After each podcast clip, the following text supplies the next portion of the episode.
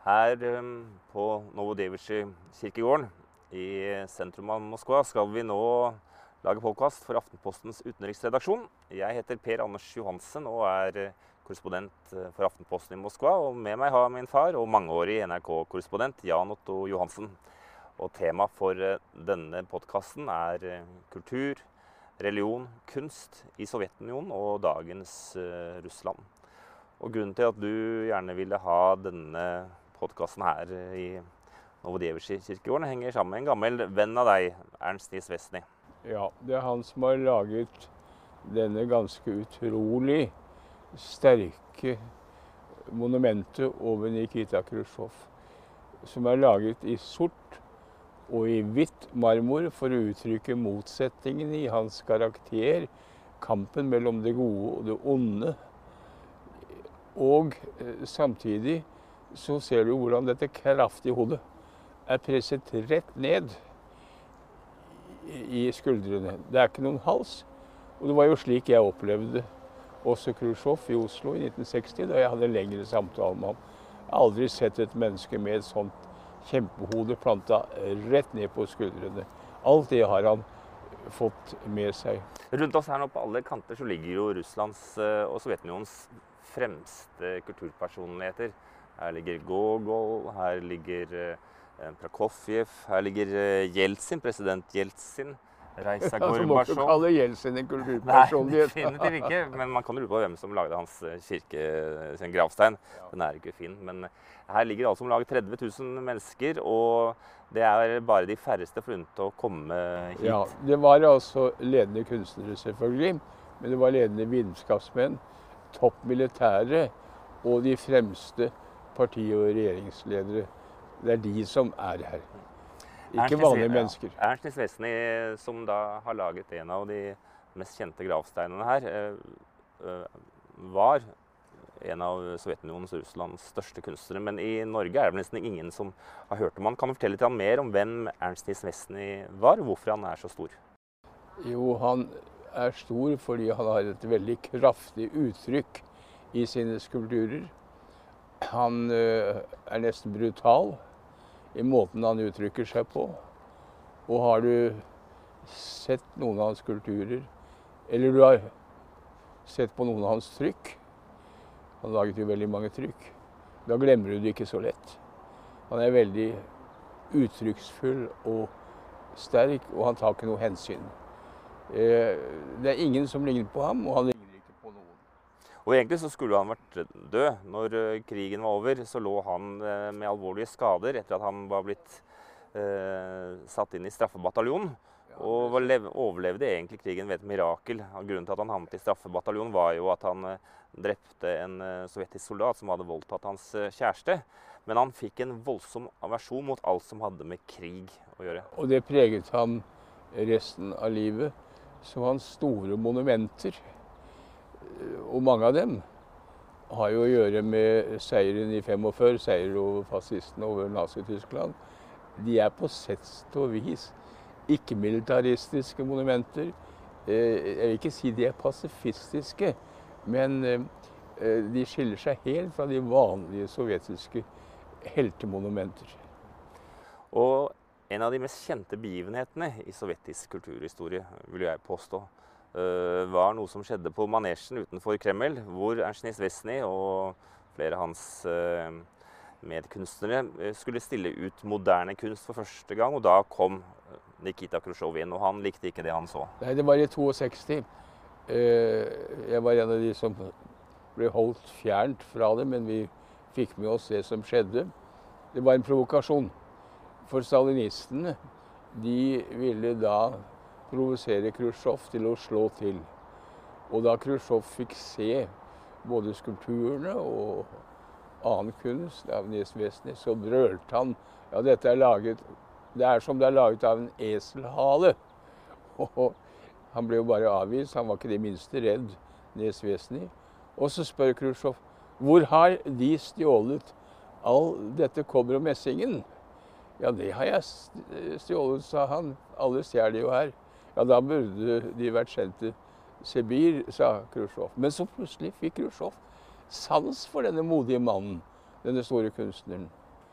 Og så endte det som sagt opp med at det er han som har laget dette uttrykksfulle monumentet over Khrusjtsjov. Det er det man kaller Sodba Cheloviek. Ernst Esvisen er jo da et eksempel på en uh, kunstner under Sovjetunionen som uh, presset grenser. Og noe som alltid har slått meg som veldig interessant når vi snakker om russisk og sovjetisk uh, kulturliv, var at det virker som om innenfor kulturlivet så hadde du en større grad av frihet enn på en rekke andre områder. Er det riktig? Nei, det er ikke jeg helt sikker på. De tok seg friheter, vil jeg heller si. Eh, poenget var jo at de ble overvåket av en sensur. Men sensuren skjønte ikke alltid hva det var. Det gjaldt jo særlig litteratur. Og når det gjaldt bildene i kunst, så kunne jo også smak og behag komme inn. Eh, slik at den sensuren ble ofte veldig lemfeldig, og en del slapp igjennom. Og noe slapp også igjennom fordi kunstnere hadde forbindelse høyere opp. Og det var jo utrolig. Da han til slutt skulle reise fra Moskva, da holdt han ikke ut lenger, så fikk han utreisetillatelse. Og skulle ha med seg alle skulpturene sine. De var jo kjempesvære.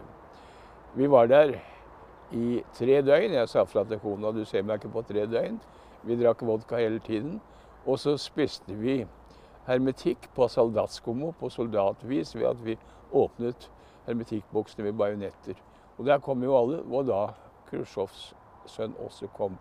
Det var ganske utrolig. Og utafor så vi Jeg aldri glemmer, glemmer aldri. Eh, så så vi da de som skulle ordne transporten og flyttingen.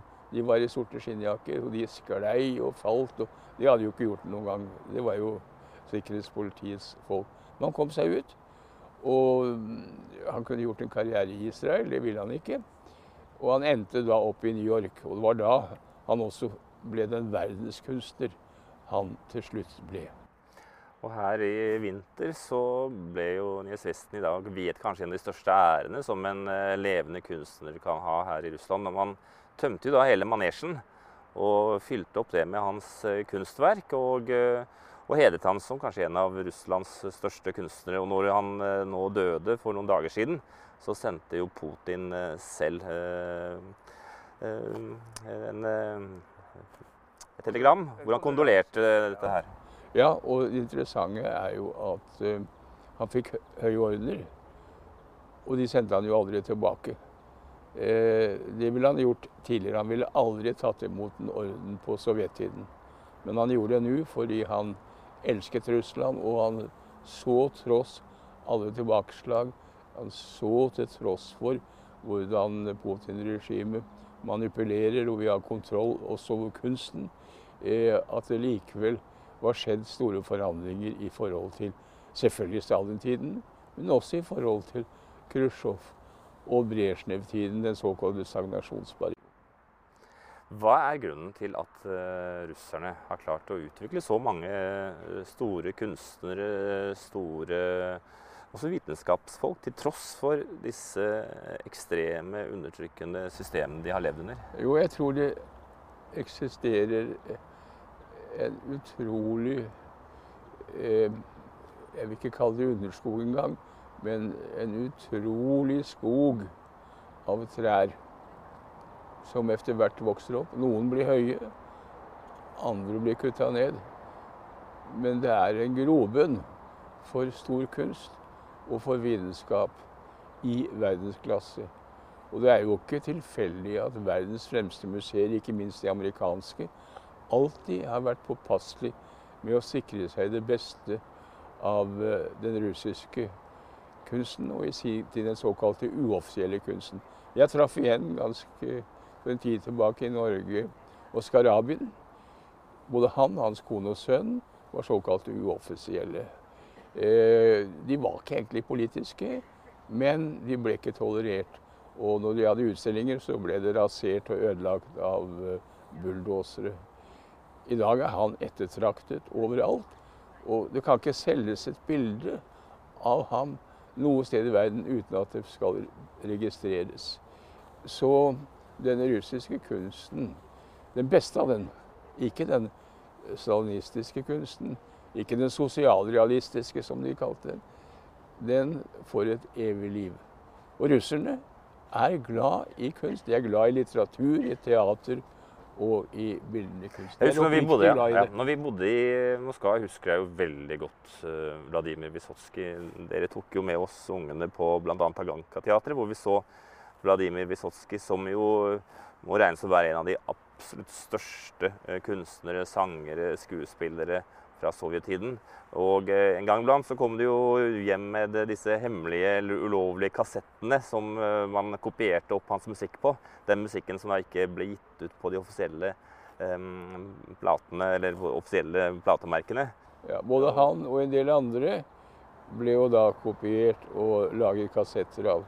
Og når du gikk om kvelden i vårt nabolag eller andre steder i Moskva i sommerhalvåret, så kunne du høre musikken deres strømte ut fra vinduer overalt.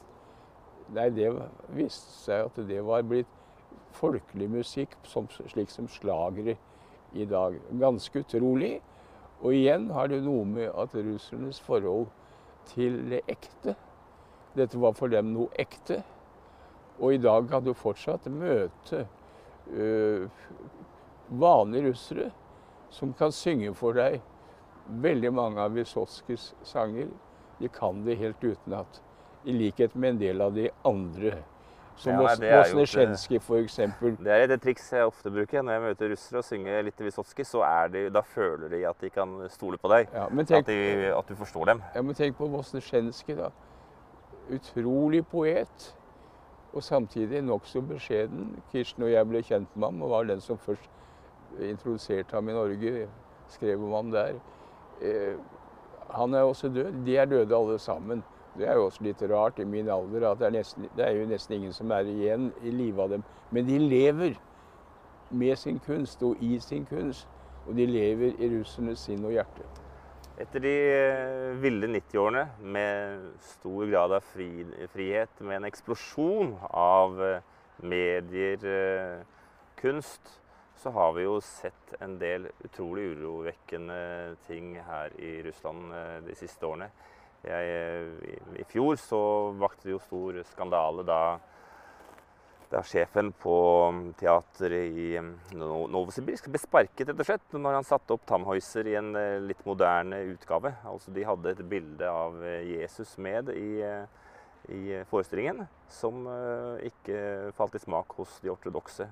Du har mange andre eksempler innenfor kunst og kultur i dag hvor Putin sørger for at det kun er de som taler hans sak, som får penger, som får eh, oppdrag. Ja, det er langt på vei riktig.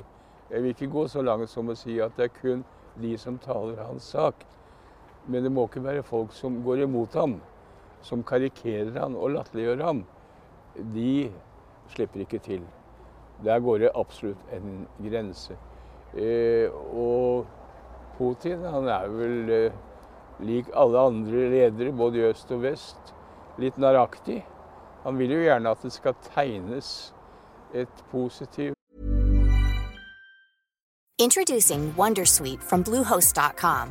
Website creation is hard, but now with Bluehost, you can answer a few simple questions about your business and get a unique WordPress website or store right away. From there, you can customize your design, colors, and content.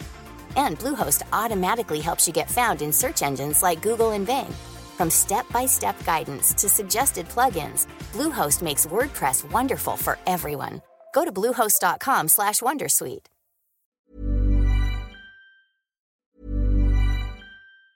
Say hello to a new era of mental health care. Cerebral is here to help you achieve your mental wellness goals with professional therapy and medication management support. 100% online. You'll experience the all-new Cerebral way an innovative approach to mental wellness designed around you. You'll get a personalized treatment plan from a therapist, prescriber, or both in a safe and judgment free space. Your cerebral therapist or prescriber will outline a customized plan with clear milestones along the way so you can get to feeling your best. With Cerebral, you're not alone in your mental health journey. We're here to empower you to live a fulfilling life. So take that first step towards a brighter future and sign up today at cerebral.com slash podcast and use code ACasts to get 15% off your first month. Offer only valid on monthly plans. Other exclusions may apply. Offer ends July 31st, 2024. See site for details. Hey, I'm Ryan Reynolds. Recently, I asked Mint Mobile's legal team if big wireless companies are allowed to raise prices due to inflation. They said yes. And then when I asked if raising prices technically violates those onerous two year contracts, they said, What the f are you talking about, you insane Hollywood ass? F- So to recap, we're cutting the price of Mint Unlimited from $30 a month to just $15 a month. Give it a try at mintmobile.com slash switch. $45 upfront for three months plus taxes and fees. Promo rate for new customers for limited time. Unlimited more than 40 gigabytes per month. Slows. Full terms at mintmobile.com. bilde av ham. Og da bruker jo gjerne statsmenn og politikere kunstnere til det. Det har de gjort opp gjennom historien. Og det er jo tilfellet nå. Og det betyr jo at det er ikke lett å være en helt uavhengig og fri kunstner i eh, Russland i dag. Men det kan ikke sammenlignes med sovjettiden. Det er det reneste tøv å påstå det. Ja, det er en av de mest fascinerende av dagens kunstnere her i Moskva, etter min mening. Og de modigste er jo Peter Pavlinskij. Eh, han skapte jo allerede furure i, sin, eh, i sine første år, hvor han eh, studerte på Akademi i St. Petersburg. Men han eh, begikk jo det som mange mener var det største kunstverket i Moskva i fjor. I nattens mulm og mørke i november så tok han med seg en bensinkanne. Så gikk han fram til hovedinndøren i Lublanka, altså FSBs kontorer, gamle KGBs kontorer. Så helte han på bensin, tente på med en uh, fyrstikk, og så sto han og filmet seg selv. eh, og døpte da kunstverket 'Trussel'. Eh, altså han ønsket å markere at FSB, arvtakeren etter KGB, driver et undertrykkelsesapparat som rett og slett er en trussel mot alle russere. Eh, alt dette her ble filmet og lagt ut på YouTube, og han ble sperret inne. Han har gjort mye annet interessant også i, i grenselandene mellom eh, kunst og provokasjon. Han eh, hamret f.eks. Eh, sin balle fast til Røde Plass for noen år siden og skar av en del av sitt øre da de sperret han inne på psykiatrisk klinikk.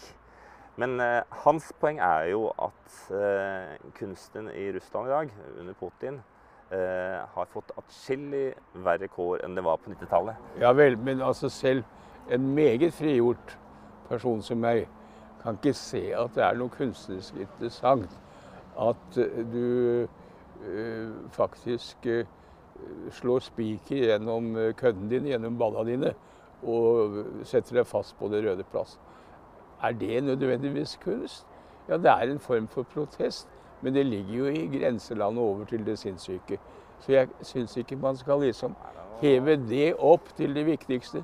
Det var mye viktigere det han gjorde ved å sette fyr på At døren. da er nok du og jeg ganske uenige om hva som selvfølgelig er et kunstuttrykk. Da. Det som er viktigst, er at han ble nominert til flere priser for det han gjorde. Den forstand at han prøver å presse grensene og markere Det eh, hva som er individets det frihet. aksepterer jeg. Og, og du kan sitte i Norge eh, Ja, med din pensjon og være trygg og skrive hva du jeg- vil. Men han har altså i- altså han har blitt sperret inne. Ja, men han sendes rundt for bank på Ja, sykehuset. Ja, men jeg aksepterer det. Ah, Men det er ikke alt som eh, er sært vilt som nødvendigvis er stor kunst. Eh, og det er mange måter De var jo ikke noen mindre helter, alle de som på annen måte eh, med stat, den selvutgitte litteraturen, og og som opptrådte rundt, og vi har nevnt noen av dem, de var jo ikke noe mindre helter, de. Så eh, også i vest, hvis en av mine kunstnervenner hadde slått seg ned foran Slottet og fått balla spikret fast eh, Jeg skal si da, da Khrusjtsjov smelte til i 62, og det er ikke mange som vet, mot moderne kunst, så fikk den sovjetiske ambassaden på Drammensveien tusenvis av støttebrev fra nordmenn som ikke likte moderne Jeg kunst. jeg burde, Sånn er det fortsatt. jeg burde ikke nevnt dette med balla. La, ikke, la oss henge oss opp i det. Jeg mener det han gjorde foran FSB. Ja, men det sa jeg jo. var en, det var en uh, meget interessant markering. Men hvis vi, hvis vi går tilbake til fall gamle dager her i Moskva, da når vi bodde her Min favorittavis, eller det vi barna likte å lese best, var jo Krokodil. Som var uh, satirebladet. med veldig flotte tegninger og mye humor, selvfølgelig. Mye eh, humor på, om Vesten og kapitalister, men også en del eh, morsomme blikk fra hverdagen. Men eh, i det sovjetiske og også Putins system, så er vel egentlig humor og satire en eh, edel eh, og ganske krevende, farlig kunst. Til de grader.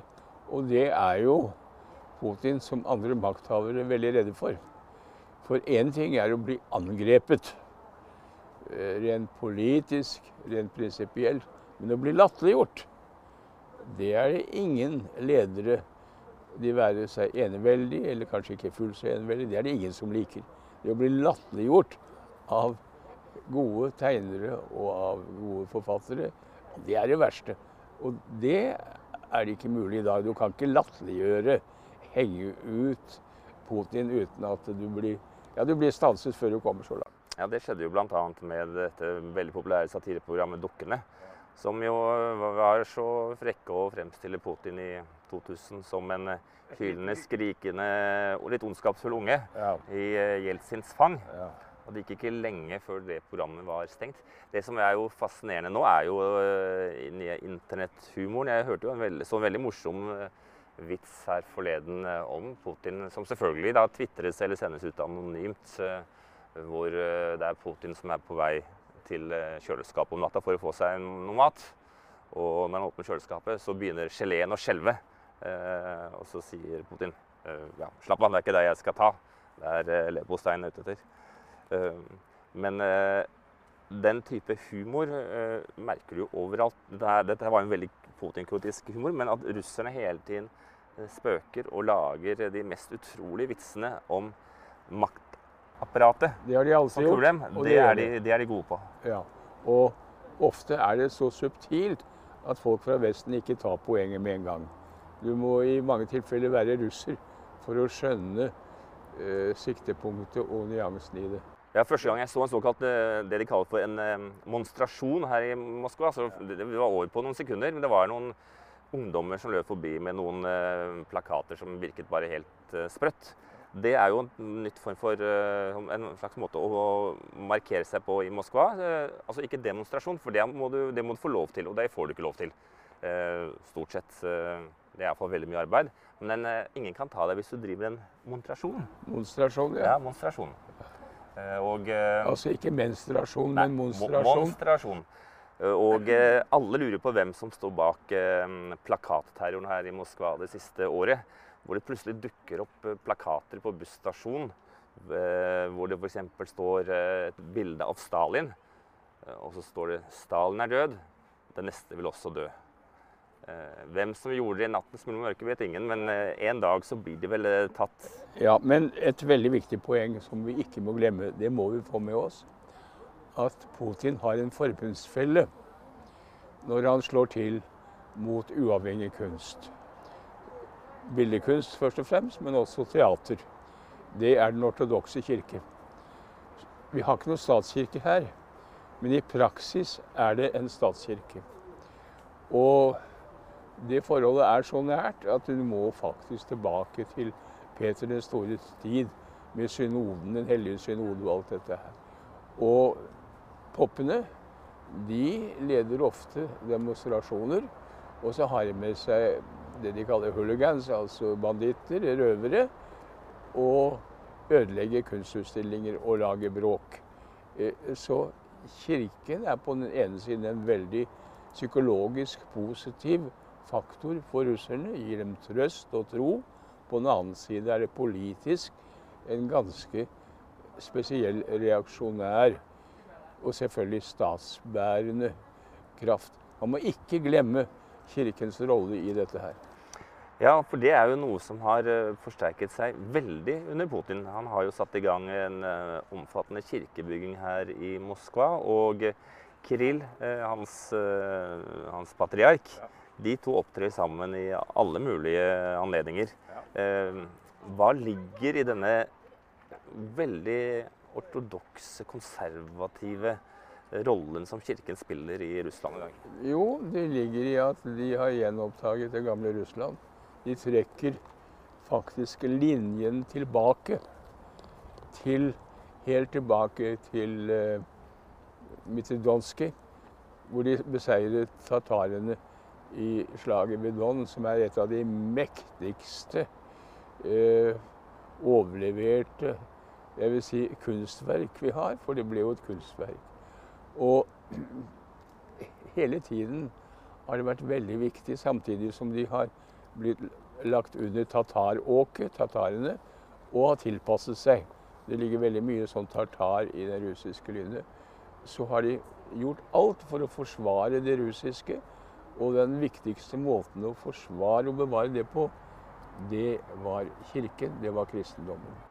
Putin har jo sagt at det aller største som har skjedd i Russlands historie, var jo at de eh, ble kristnet. Og eh, nå som man skal eh, ja, gjenoppfinne den russiske historien, så er det jo ikke måte på hvilken rolle kristendommen får. Hvis vi drar ned på den store VDNH-parken som Stalin fikk laget. Der har man jo bygget en ny historisk park som jeg er veldig fascinert av. Og der blir det slått fast at Moskva ble reddet fordi at man ba. Det var kirken som reddet Moskva gjennom sine bønner. Og dette her er jo et så skal vi si, spinnvilt historisk argument ja, men, å komme med. Ja, men eh, unge mann. Nå er du altfor formet av vår europeiske og norske holdning til religion. Eh, jeg har en noe annen holdning enn deg. Og jeg sier ikke at det Kirken gjør, er riktig. Jeg bare sier du må ikke undervurdere det. For det er noe ekte i det. Hvis ikke det hadde vært noe ekte i det, så hadde de ikke truffet og fått med seg hele det russiske folk. Eh, det er ikke noe man bare kan manipulere. Du kan, ikke, du kan manipulere mange ting. Men her er det i utgangspunktet ekte følelser, som så blir selvfølgelig utnyttet og brukt. Og det går gjennom hele den russiske historien. Ja, og, og, og, der har man jo god dokumentasjon på at uh, russere har blitt uh, mye mer religiøse. Det er flere som definerer seg som kristen eller pravaslavisk enn før. Men jeg tror uh, patriark Kirill og den ortodokse kirken bør være forsiktig med å identifisere seg så tett til den rådende makten i dag og Putins system. Det får du fortelle dem, da, men de kommer neppe til å høre på deg eller meg. Ja, De hører vel neppe på denne podkasten, men vi får se. Det kommer vel noen reaksjoner. Vi er nødt til å sette strek for denne podkasten om uh, russisk kultur, religion og kunst. Men uh, først må vi jo slå fast at denne kirkegården vi har besøkt i dag, det er jo ikke en helt vanlig kirkegård. Ikke på noen måte. De vanlige kirkegårder er mye, mye større. De er ikke så flotte. Og russere flest har jo ikke råd til sånne gravmonumenter. Her finner du ikke noe egg og vodka og brødbrester. Ja, jeg vet ikke hvor godt du husker, men vi tok dere ut på annen påskedag. Og det er da, og på navnedagen, at de går ut på gravplassen og har med seg vodka. Mineralvann, selvfølgelig. Eh, Årkokte egg, saltagurker og røkt flesk og fisk og absolutt alt. Så sitter de her og spiser dette, Samtalen med hverandre og samtalen med de døde. Og så går de hjem. Da vi kom hjem, så forsvant din lille søster Kristina inn på sitt rom. Og da hennes mor kom inn dit, så gråt jenta litt. Hun hadde tegnet gravstedet med tomme vodkaflasker og eggeskall og det hele. Hadde barnevernet få tak i det, så hadde vi fått problemer i Norge. Eh, så begynte hun å gråte og sa jeg vil ikke hjem til Norge. For der kommer ikke mine venner på min grav med vodka, hårkokte egg, saltagurker og røkt flesk. Altså, Den lille jentungen hadde tatt hele poenget med russernes forhold til de døde til kirkegården. Da takker vi for uh, følget til alle lytterne. og... Uh Vi er tilbake snart med en ny podkast fra Moskva.